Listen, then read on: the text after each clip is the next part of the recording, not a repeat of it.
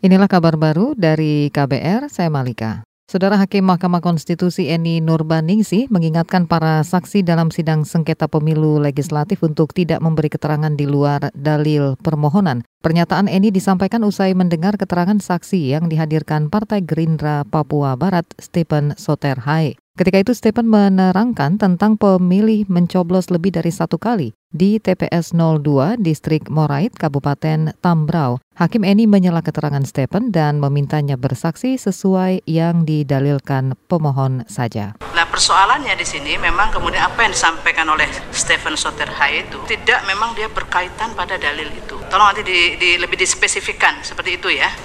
Karena di dalam dalil yang disampaikan oleh pemohon oleh pemohon kuasa pemohonnya tidak memang secara jelas menyebutkan apa yang dijelaskan oleh saksi tadi.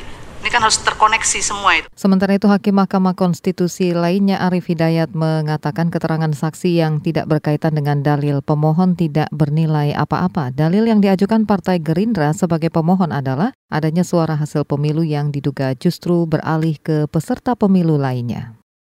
Polri akan menilai tepat atau tidak langkah Amnesty Internasional membawa kasus Novel Baswedan ke Kongres Amerika Serikat. Selain itu, menurut juru bicara Polri Asep Adi Saputra, kasus penyiraman air keras ke penyidik KPK Novel Baswedan akan tetap ditinjau dari sisi yuridis karena lokus delikti atau tempat kejadian tindak pidana itu di Indonesia. Ya, kita akan lihat dari aspek yuridisnya seperti apa nanti ya, karena lokus deliktinya bukan berada di Indonesia, kemudian kapasitas ataupun juga bobot dari peristiwa itu ya pasti akan mempengaruhi. Juru bicara Polri Asep Adi Saputra menambahkan saat ini Polri berfokus pada rekomendasi tim pencari fakta penuntasan kasus novel Baswedan, yaitu membentuk tim teknis yang diketuai Kepala Bareskrim Idam Aziz. Kemarin kasus penyiraman air keras terhadap penyidik KPK Novel Baswedan dibawa Amnesty International dalam sebuah paparan di Kongres Amerika Serikat.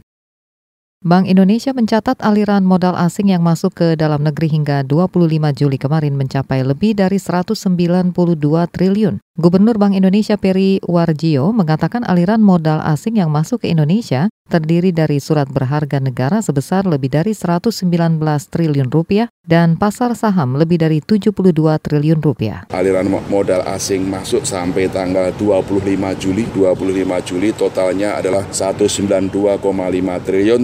Totalnya terdiri dari apa? 119,3 itu ke dalam SBN, 72,2 itu ke saham.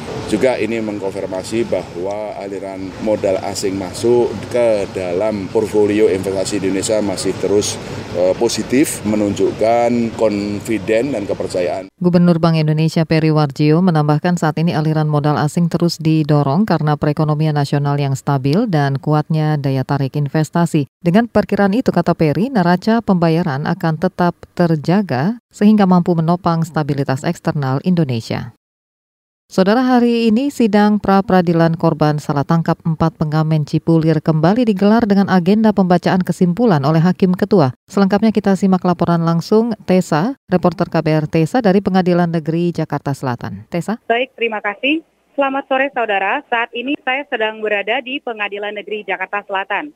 Hari ini Pengadilan Negeri Jakarta Selatan kembali menggelar sidang pra peradilan korban salah tangkap empat pengamen Cipulir. Agenda sidang pra-peradilan hari ini adalah pembacaan kesimpulan oleh Hakim Ketua Elvian. Sidang dijadwalkan mulai pukul 2, namun persidangan baru saja dimulai pada pukul, pada pukul 3 ini. Pihak pemohon dalam gugatannya menuntut ganti kerugian hingga lebih dari 750 juta rupiah kepada Polda Metro Jaya, Kejaksaan Tinggi DKI Jakarta, dan Kementerian Keuangan. Kuasa hukum keempat pengamen menjadikan peraturan pemerintah atau PP 92 tahun 2015 tentang pelaksanaan KUHAP sebagai dasar tuntutan ganti kerugian tersebut. Dalam PP tersebut, menurut kuasa hukum korban, Kementerian Keuangan dimandatkan untuk memberikan ganti kerugian. Namun baik Polda Metro Jaya, Kejati, DKI maupun Kementerian Keuangan menolak keseluruhan dalil pihak pemohon. Kementerian Keuangan justru mengatakan tuntutan tersebut salah alamat dan berdalil jika tuntutan tersebut dikabulkan dapat berpotensi membebani keuangan negara. Sebelumnya kasus ini bermula pada tahun 2013 silam ketika pemohon ditangkap kejahatan dan kekerasan atau jatan ras Polda Metro Jaya karena dituduh membunuh pengamen lain bernama Diki di kolong jembatan Cipulir. Namun setelah melalui banyak persidangan dan mendekam di penjara selama tiga tahun, Mahkamah Agung menyatakan mereka tidak bersalah dan membebaskan mereka. Demikian laporan saya langsung dari Gedung Pengadilan Negeri Jakarta Selatan, Teresa Septiani untuk KBR. Demikian kabar baru dari KBR, simak kembali kabar baru pukul 17 waktu Indonesia Barat. Saya Malika.